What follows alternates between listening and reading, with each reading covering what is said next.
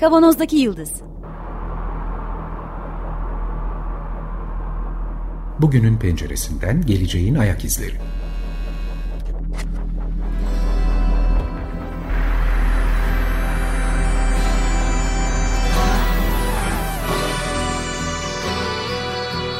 Hazırlayan ve sunanlar İsmail Başöz, Haluk Levent, Mustafa Yılmazer ve Fethiye Erbil. Zorlu Holding Sürdürülebilirlik Platformu Akıllı Hayat 2030, herkes için daha yaşanabilir bir dünya diler. Merhabalar, Açık Radyo'dayız. 95.0 Kavanoz'daki Yıldız programında sizlerle beraberiz. Bugünün penceresinden geleceğin ayak izlerini sürmeye devam ediyoruz. Bunu deyince bu program serimizde konuk ettiğimiz sevgili dostumuz Levent Küey'in de hatırlattığı gibi Nazım'ın dizeleriyle süsleyelim bu noktayı. Anlamak sevgilim o bir müthiş bahtiyarlık, anlamak gideni ve gelmekte olanı. Gerçekten şiarımız bu oldu. 3 senedir bu programı devam ettiriyoruz. Teknoloji ve teknolojinin bugün yarattığı tartışmaları konuşmaya çalışıyoruz. Gelmekte olanı anlayıp nelerle karşı karşıya kaldığımızı ve nasıl ilişki kuracağımızın sohbetini yapıyoruz. Son 20 haftadır da sosyal medya ve internet iletişimi üzerinden bir seri program yaptık. Hiç bu kadar uzun bir seri yapmamıştık. Öyle değil mi Haluk? Eyvallah evet. Merhaba bu arada herkese. Yani iyi bir toparlama oldu. Bizim de tabii biraz netleşmemizi sağlamış oldu. Ee, yeni fikirler çaktı kafamızda. Dolayısıyla belki ileride daha küçük konularla bunda dönmemiz bir belki de bir mecburiyet olacak. Evet evet çok olacak çünkü e, çok önemli gelişmeler yaşanıyor. En basitinden geçen hafta biraz bahsettiğimiz Facebook Apple kavgası mesela çok enteresan bir boyuta taşıyor işi. Bunlardan zaman içerisinde bahsederiz. Fethiye bugün yok. Biraz uzaklara gitmiş durumda. Taşra'da. Bu program serisinin başında bir belgesele dayadık sırtımızı Social Dilemma ismiyle 2020'de Netflix'te yayınlanan Sosyal İkilem ismiyle Türkçeleştirilen bir belgesele tutunarak dans ettik. Tutunduğumuz boru o belgeseldi. Yaklaşık bir buçuk saat süren sosyal medya temelli bir çok iyi hazırlanmış bir belgesel açıkçası. Fakat bu bir buçuk saatin yetmeyeceğini düşünerek bize her bir konuyu ayrı ayrı başlıklar altında konuştuk. 20 program oldu. Bu kadar planlamıyorduk. 7-8 programda bitiririz diye düşünüyorduk ama devam etti açıkçası. Güzel de sohbetler oldu. Hemen kısaca hatırlayalım. Algı üzerine felsefeci dostumuz Kaan Özkan'la beraber olduk.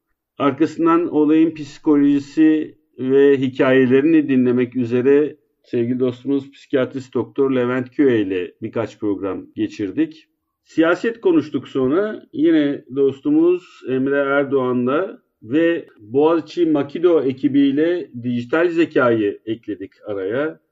Ve en son Haluk'la beraber ekonomisini, iktisadını ve dünyadaki yeni ekonomik örgütlenmesini, sosyal medyanın ve internet iletişiminin yol açtığı, lead ettiği yeni ekonomik örgütlenmeyi konuştuk. Arada yine aktüel sohbetlerle bu 20 programı tamamladık. Şimdi geri dönüp baktığımızda ben açıkçası gerçekten biraz önce senin söylediğin gibi böyle genişçe bir toparladığımı düşünüyorum. Duygusal boyutundan, algı boyutundan, ekonomi, siyaset boyutuna kadar birbirine bir bağlantılar kurabilecek hale geldiğimi düşünüyorum ki amacım da buydu, amacımız da buydu.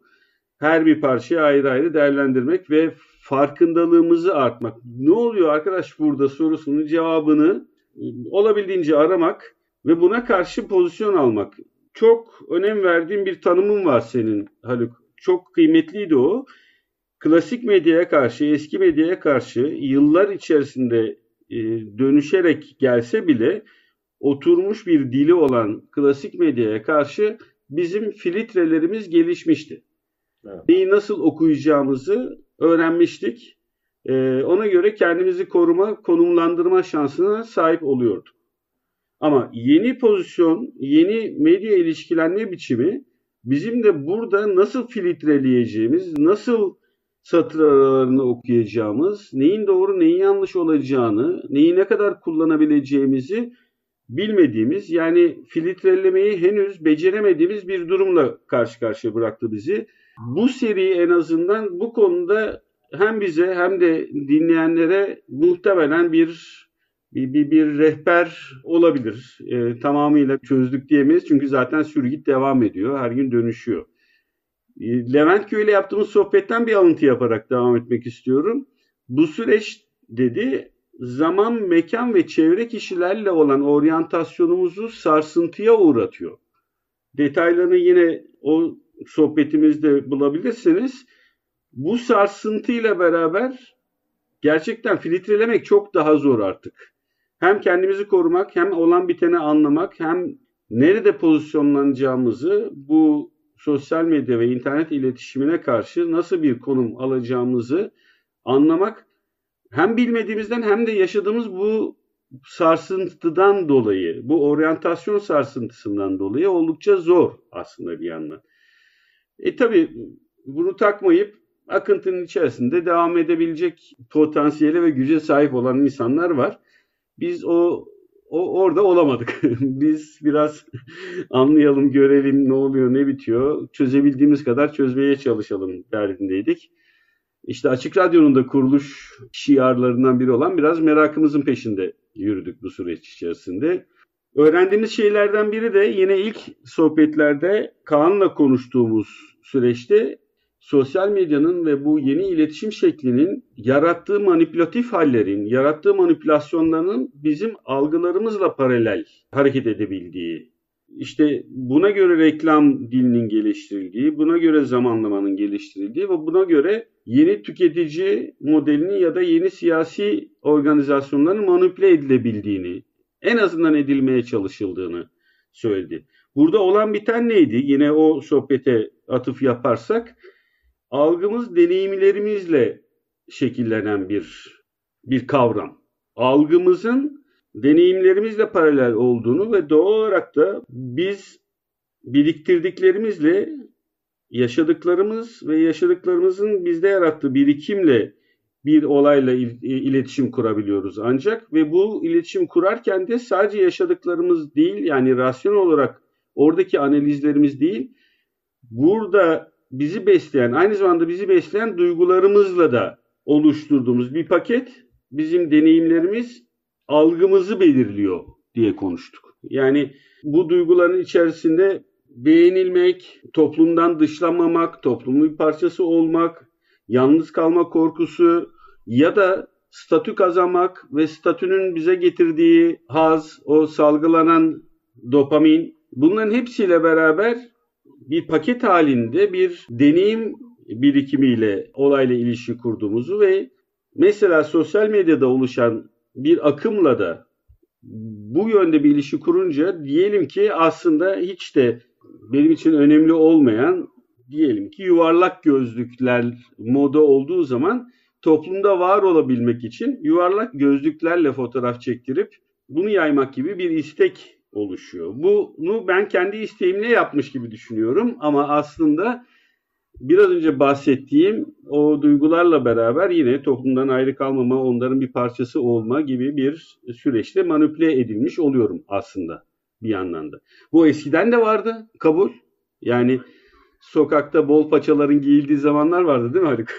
o da dediğim şey bu yüzden. Yani bulaşıcılık buradan geliyor ama e, sosyal medyayla bu herhalde biraz daha hızlandı ve yoğunlaştı diyelim. Çünkü işte o Levent'in bahsettiği, bizim de çok üzerinde durduğumuz zaman ve mekan kavramının belirsizleştiği bir ortamda e, bu tür şeyler çok süratle e, yayılıyor.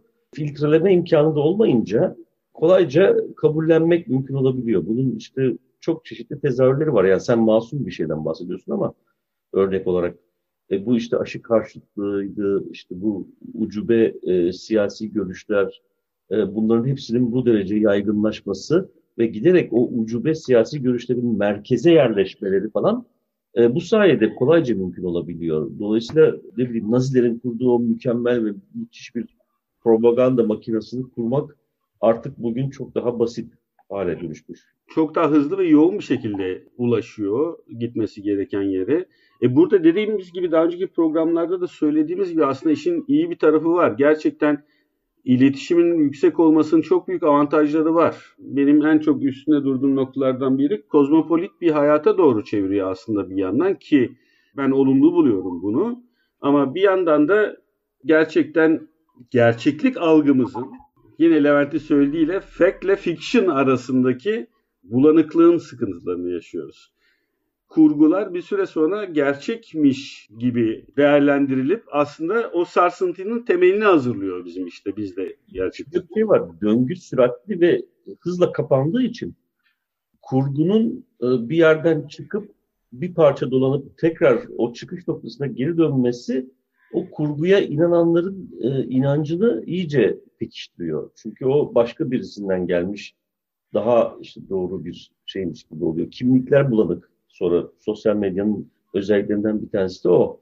Yani kimliklerin bulanık olması, her türlü kimliğin kolayca üstlenilebiliyor olması. Ne bileyim aşı karşıtlığı yapacaksan işte doktor diye çıkıyorsun karşına. Geçenlerde yine bir videoda gördüm. Adam ameliyathane bilmem nesinde uzman bir profesör ama işte pandemi konusunda e, büyük bir uzman gibi konuşuyor. Aşının ne kadar zararlı olduğundan, genetikten, şundan bundan falan bastırarak anlatıyor. Ah, yani. ah, Üsküdar'da miting bile yaptı. Ee, bunlar dolayısıyla şey gerçekten o filtrenin yani şöyle bir durum da var herhalde. Bu bugünlerde biraz bu iletişim yayın evinden çıkmış bir kitabı okuyorum da bu bizim konuyla da dolaylı ama çok yakından ilişkili bir meseleye değiniyor. Komplo teorileri, e, disiplinler arası bir giriş diye Kerem Karaosmanoğlu'nun çok fazla kitap yayınlanmış bu arada onu da fark ettim. Komplo teorileri ilgili özellikle İngilizce'de çok var. Şimdi burada bu psikolojide ilginç bir şeyden bahsediyor. O çok çarpıcıydı. Bu bizim sosyal medyadaki arızaların kökeninde de yatan şeylerden bir tanesi olabilir. O da şu, diyor ki bizim evrim sürecimizde iki türlü davranış vardı. Yani diyelim işte erken insanlık evresinde ormanda yürürken bir hışırtı duyuldu. Şimdi bu hışırtı rüzgar olabilir, yırtıcı hayvan olabilir. Dolayısıyla bunun eğer yırtıcı hayvansa önlem almak gerekiyor. Rüzgarsa, rüzgardan kaynaklanan bir hışırtıysa yola devam etmek gerekiyor. Ama bunu bilemeyeceğine göre tabii dolayısıyla bir kurgu yapmak gerekiyor. Yani bir setup gerçekleştirmek gerekiyor. O da şöyle dört tane seçenek var tabii. A rüzgardır. Bu rüzgarsa sen bunu rüzgar diye değerlendirip yola devam ediyorsan zararsız bir durumla karşı karşıya kalırsınız. Ee, rüzgar diye değerlendirip öndem alırsan bir hatadır tabii bu uyuşmazlık olduğu için. Buna istatistikte de birinci tip hata denir. Orada ne oluyor? Boş yere önlem almış olursun. Ama günün sonunda büyük bir zarar görme ihtimalin yok. Çünkü yani önlem aldın, baktın emin oldun rüzgar olduğuna yürüdün, gittin hayatına devam ediyorsun. İkincisi hayvandır, yırtıcı hayvandır. Önlem almışındır, hayatta kalmaya devam edersin. Son olarak da yine hatalı bir durum. Sen rüzgar dersin, önlem almazsın ama yırtıcı hayvandır. E, o zaman ölüyorsun tabii hayvan tarafından yenildiği için ve evrim sürecinden de elimine ediliyorsun. Dolayısıyla zaman içerisinde evrim süreci bizi aslında bu hışırtı duydun mu tedbir al fonksiyonunun ağırlıklı olarak beynimize kazanacağı, yani bunun beynimiz tarafından refleks haline getirildiği bir yani biz on binlerce yıl e, bununla yoğrulmuşuz ve bu halen devam ediyor. Dolayısıyla bizim... Ayak, ayakta kalmak için obsesif mi olmamız lazım yani? Evet. Öyle konu. Refleksimiz o. Bu ilk gösterdiğimiz tepki hepimizde bu komplo teorilerine inanmak ve ciddiye almak şeklinde. Sonra bir bölümümüz o analitik tarafın devreye girmesiyle dur lan bu böyle olmayabilir falan filan deyip e, başka türlü bir şey olabileceğini daha rasyonel bir tutum almalı. Ama önemli bir bölüm o refleksin peşinde saplanıp kalabiliyor. Şimdi sosyal medya bu hep bahsetmiştik. Özellikle Emre ile konuşurken bahsetmiştik. İşte Bekir, Bekir Ardır'ın bahsettiği o yankı odalarına hapsettiği için bizi. Bu refleksin işte hep bir öteki var. Düşman bu. Bu düşman işte kaderi mutlak bir yapıya sahip e, her şeyi kontrol edebiliyor. İşte Illuminati'sinden tut e, gizli servislere işte bilmem ne. Bu tamamen bilim dışı ve rasyonellikten uzak bir tutumun e, bizim ya da bu bu oda içerisinde yer alıp da o analitik duygu düşünce kalıbını hiçbir zaman harekete geçiremeyen insanlar için bir tek davranış biçimi haline dönüştür. Şimdi bu işte sosyal medyanın tehlikeli yönü. Bütün bahsettiğimiz o şeyler. E, sosyal medya bunu kolaylaştırıyor. Değil mi? Yani sesin daha çabuk duyulmasını sağlıyor, daha hızlı. İşte o seçmeler yoluyla bunları da çok konuştuk. Seçmeler yoluyla hep aynı şeyleri duyman, hep aynı kişi, benzer kişilerden e, şeyler alman. E buradaki işte no name hesapları falan artırdığın zaman sanki çok kalabalık bir kitleden gelen bir bilgiymiş gibi bunu işlemen ve bu işte e, beynimizin de yatkın olması dolayısıyla da insanların bu alana sıkışıp kalmaları çok mümkün olabiliyor. E, ve bu eğitimden de bağımsız yani bu aşı karşılığında ben çok görüyorum. Yani evet, evet. evet. eğitim almış, mühendisler, tıp, tıp eğitimi almış, doktorlar falan aşı karşıtı oluyor. Evet. Bu şeyde analitik düşünceyle ilgili programdan önce de konuşmuştuk. Komplo teorisine devam edenler bahsettiğin vahşi hayvan olmadığını gördükten sonra da önlem evet. alıp e, ve bunu da insanlara duyurduğu için buradan geri dönmeyen zihinler aslında bir yandan e, kendince bir konfor alanlarıyla o. devam ediyor. Bu bayağı bir sosyal psikoloji konuşması gerçekten. Çok da benim çok merakla izlediğim, merakla üzerine konuşabileceğim dakikalarca bir alan. Sosyal medya tüm bur- burada gerçekten kolaylaştırıcı bir etki yapıyor dedik. E, çok ve hızlı bilginin yayılmasını sağlıyor. Yine o belgeselde de vardı, konuşmalarımızda da geçirdik. Oxford'un bir çalışmasıydı yanılmıyorsam. 6 kat daha hızlı yayıldığını ifade etmiştik e, fake haberlerin. E, ve bunun da sebepleri üzerine sohbetler yaptık. Ama aklımızda olsun 6 kat daha hızlı yayılıyor. Bunlarla filtreleme e, yetimiz gelişecek. Bunları fark ederek en azından işte neyin nasıl olduğunu nasıl e, pozisyon almamız gerektiğini Son birkaç şey daha eklemek istiyorum aslında. Yine biraz e, insan boyutuna çekeceğim. Bunun üzerine bir sohbet, bir program yapmıştık açıkçası ama tekrar etmek istiyorum. Bir güzel bir manzara gördüğünde hemen fotoğraf çekme isteği ve bunu aslında fotoğraf çekme isteği değil, bu fotoğrafı direkt sosyal medyaya koyup oradan gelecek reaksiyonlarla o manzara ile ilişkiyi yeniden düzenleme isteği. Bu da küçük bir örneğini veriyorum. Bir nöroplastisite oluşumunun bir örneği olarak düşünüyoruz. Artık nasıl ilişki kurulacağı, gerçekle kuracağımız ilişkinin zihnimizde nasıl karşılığı olduğunun da bir göstergesi bu bence. O sırada oturup fiziksel, duygusal e, işte anılarla beraber bir gün batımı manzarasıyla kurulacak bir ilişkinin yerine hemen sosyal medyada alacağın reaksiyonlarla ve bilindiği kadarıyla o reaksiyonlar olumlu olduğu sürece dopamin artışını sağlıyor. Artık buraya meyleden bir e, başka bir düşünüş tarzı, bir mindset gelişiyor. İşte nöroplastisitenin de değişiminin bir örneği olarak yine verdiğimiz örneklerden biriydi.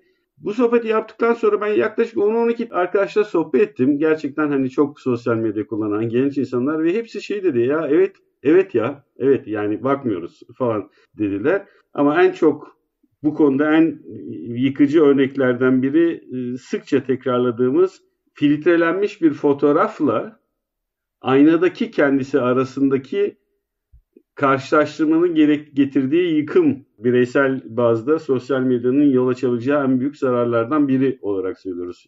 Filtrelenmiş fotoğraf var ama onun o sen olmadığını biliyorsun çünkü aynaya bakıyorsun, aynada görüyorsun bunu zaten bir yandan da. Fakat görenler bunu böyle görüyor. Bunun neydi o kelebek etkisi miydi? onun öbürküne yansıması, onun diğerine yansıması e, gerçekten o oryantasyonun çevre kişilerle, mekanla, zamanla olan kurulan ilişkinin oryantasyonun sarsılmasının çok önemli örneklerinden biri olarak söylemiştik zaten. Bir vücuda yabancılaşma, yani kendi vücudunda yabancılaşma şeklinde ortaya çıkıyor. İki, nickname'li kimliklerle aslında kendine bütün olarak yabancılaşma şeklinde ortaya çıkıyor. Yani toplum içerisinde işte ortaya koyamadığın arzularını, isteklerini, davranışlarını bir tül perde altında sahte hesap açarak pekala yapabiliyorsun. Yani farklı bir kimlik, bir kişilikle e, sosyal medyada var olma şansı. Yani çift kişilik, üç kişilik, beş kişilik neyse farklı farklı şeyler. Ya bunlar da çok acayip bir durum. Ya bunlar da önemli bir e, mesele. İnsanın bunu nasıl kendi zihin dünyasında soğurabileceği birlikte yaşayabileceği de ayrı bir problem yani. Bir başlık daha vardı. Onun da e, altını çizelim. Seninle beraber yapmıştık o programı da. Duygusal verilerin, emosyonel verilerin artık toplanması çok evet. artmaya başladı. Son 5-6 senedir özellikle. Bu da diğer veriler gibi yani bizim davranışsal artıklarımıza yol açan, Zuboff'un söylediği davranışsal artıklarımıza yol açan diğer veriler gibi hepsi artık bir araya getirilerek algoritma tarafından okunuyor. Yani ne demek? İşte ziyaret ettiğin siteler, yaptığın alışverişler tamam bunları biliyoruz artık. Ama artık moodunu izlemeye başlayan, e, nasıl davrandığını e, ya da genel moodunun ne olduğunu okuyan veri algoritmaları gelişiyor ve bunları toplayan değişik şekillerde sadece sosyal medyada değil bunu biliyoruz artık. Şeylerin internetinden de bahsettiğimiz bir dönemdeyiz. Bununla beraber manipüle ediliyor olmak o örneği verdik. Tekrar vereceğim. Çok doğru geliyor bana. Diyelim ki bipolar bir hastanın manik döneme girerken birden önünde Hawaii biletini bulması, e, Hawaii uçak bileti reklamını bulması gibi e, çok korkutucu bir e, nokta. Biz bunu söyleyince hep korkutucu noktalardan bahsettik. Ama süzmemiz lazım. Bir pozisyon almamız lazım. Neydi sen biraz önce verdiğin örnek vardı ya hani rüzgarın sesi mi vahşi hayvan mı onu bilmek lazım yani. Biz önlemimizi alalım da. yani o analitik kısmı e, kaybetmememiz, geliştirmemiz gerekiyor. E, bu da şunla geçiyor. İlk gördüğümüz haberde bir nefes al. Evet. Bundan sonra harekete geç. like diyeceksen ya da işte retweet edeceksen, her yaygınlaştıracaksan her neyse. Tabii bir şey daha e, ilginç senin söylediğin aklıma getirdi aslında. Bu fotoğraf çekme hikayesi like ve fotoğraf e, toplumda yeni bir değer ölçüsü haline dönüşüyor. Şimdi bu e, like'ın e, bir değer ölçüsü haline dönüşmesi aslında o Zuboff'un bahsettiği e, davranışsal artı üreten yeni varyantın da var olmasının asli temellerinden bir tanesi. Çünkü orada olup biten de bununla çok ilintili ve bunun orada olup bitenin meşruiyetini sağlayan bir, bir, bir davranış biçimi aslında bu like'lama hikayesi. Like Bana en temel en temel tool gibi geliyor bu. En temel araç bu. Bunun üzerinden yürüyor evet. sanki. Bir yerde bir paraya dönüşmesi gerekiyor ya. Evet. Paraya dönüşme işlemini de çok kolaylaştırıyor. Çünkü sonuç itibariyle servetin birikiminde o maddi servete aktarılacak bir değer. Ve bir de sayısal. Sayısı olarak ölçülebilen ve karşılaştırılabilen bir e, durum. Yani çok büyük analizlere gerek yok. Hafif analiz, yüzeysel analizin yettiği bir nokta orası bir de yani. Ve en son aslında bunlardan ayrı olarak da yani bireysel bazda algılar ve psikolojik boyutları, sosyal psikoloji boyutlarının dışında en son programımızda benim de çok ilgimi çeken tüm bu şirketlerin tüm bu iletişim ağını elinde tutan, yönlendiren şirketlerin nasıl bir ekonomik yapı oluşturduğunu konuşmuştuk. Bu beni çok gerçekten hani aklımı da açtı bir yandan da aklımı da aştı açıkçası. E, bildiğimiz örgütlenmelerin dışında artık şirket devletlerden bahsettik. Değil mi Haluk? Yani bir, bir, bir kapitalizmin yeni varyantı gibi. Shoshana Zuboff'un Gözetim Kapitalizmi adlı kitabından yola çıkarak konuştuk. E, burada tabii bahsettiğimiz şey biraz da bu kompletörlerin işlevini çok görünür kılan. Mesela en son hemen işte geçenlerde şey hakkında, Medyaskop hakkında yürütülen bir troll saldırısı var. Bu troll saldırısı başladı. Çok net troll saldırısı. Çünkü kaynak hesap, Twitter hesabı e, hiç kimseyi takip etmeyen, Ocak 2021'de açılmış 72 bin takipçisi olan bir hesap. E, CHP'li izlenimi veren falan bir hesap. Medyaskop'un web sayfasında bulunan bir bilgiyi alarak derin gazetecilik araştırması sonucunda gizli bir şey bulmuş gibi e, yaptı. Arkasından işte hemen bunun kuyruğuna takılan çeşitli e, malum kuruluşlar oldu, medya kuruluşları oldu falan. Hemen arkasından da e, dün yanılmıyorsam e, Anadolu Ajansı'nda haber olarak yayınlanan Fahrettin Altunüst İletişim Başkanı e, şey dedi. Biz basın özgürlüğümüzü, demokrasimizi e, yabancı kuruluşların masasında meze yaptırmayız. Bununla önlem alacağız falan filan. Yani böyle sanal dünyada olup biten bir şey ve bu gerçek dünyadaki otoritenin kaynağını kurmak üzere kullandıkları çok elverişli bir araç haline dönüşmüş. Dolayısıyla hem e, toplumsal kontrol mekanizmasının asli unsurlarından biri haline dönüşüyor hem de o Shoshana Zuboff'un kitabında gösterdiği kapitalizmin yeni varyantı olarak ekonomik kontrol mekanizmasının da oluşturulması. İşin kötüsü bunu yapan sadece yani toplumsal kontrolü sadece devletlere terk etmek gibi bir durumda söz konusu. Şirketler yani buradaki az şey az sayıda oligarşik şirket yapısı diyelim, ekonomik kontrolü elinde bulundururken aynı zamanda toplumsal kontrolü de elinde bulundurma imkanına sahip olabiliyor. Devletlerle olan ilişkisinde bir statü farkı yaratmış durumdalar. Şirketlerin de yine bir statü farkı ortaya çıkmış durumda. Ee, evet, 20. programda sosyal medya ve internet iletişimi üzerine yaptığımız detaylı sohbetleri şimdilik kapatıyoruz. Kapanacağı benzemiyor dönem dönem yine başka konularda başka başlıklarla gündeme getireceğiz. Biraz daha tekrar diğer teknolojik gelişmelere ve bunların toplumsal yansımalarına yavaş yavaş e, dönmek istiyoruz açıkçası. Son zamanlarda ortaya çıkan şey meselesi var. Pegasus, casus yazılım.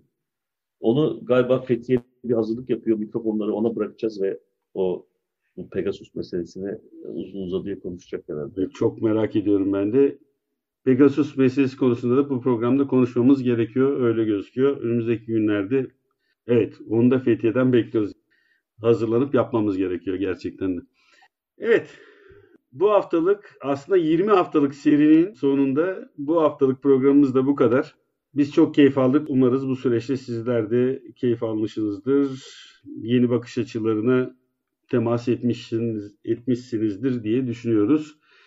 Bu programın size ulaşmasını sağlayan bütün Açık Radyo çalışanı arkadaşlarımıza canı gönülden teşekkür ediyoruz her zamanki gibi. Program destekçimize çok teşekkür ediyoruz. Önümüzdeki haftalarda tekrar görüşmek üzere. Sağlıkla kalın. Hoşçakalın.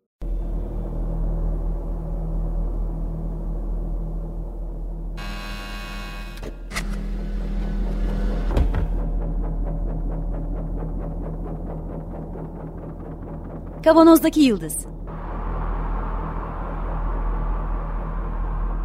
Bugünün penceresinden geleceğin ayak izleri.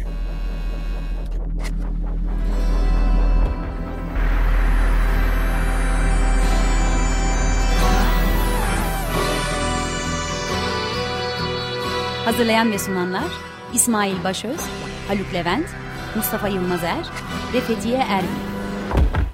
Zorlu Holding Sürdürülebilirlik Platformu Akıllı Hayat 2030 sundu.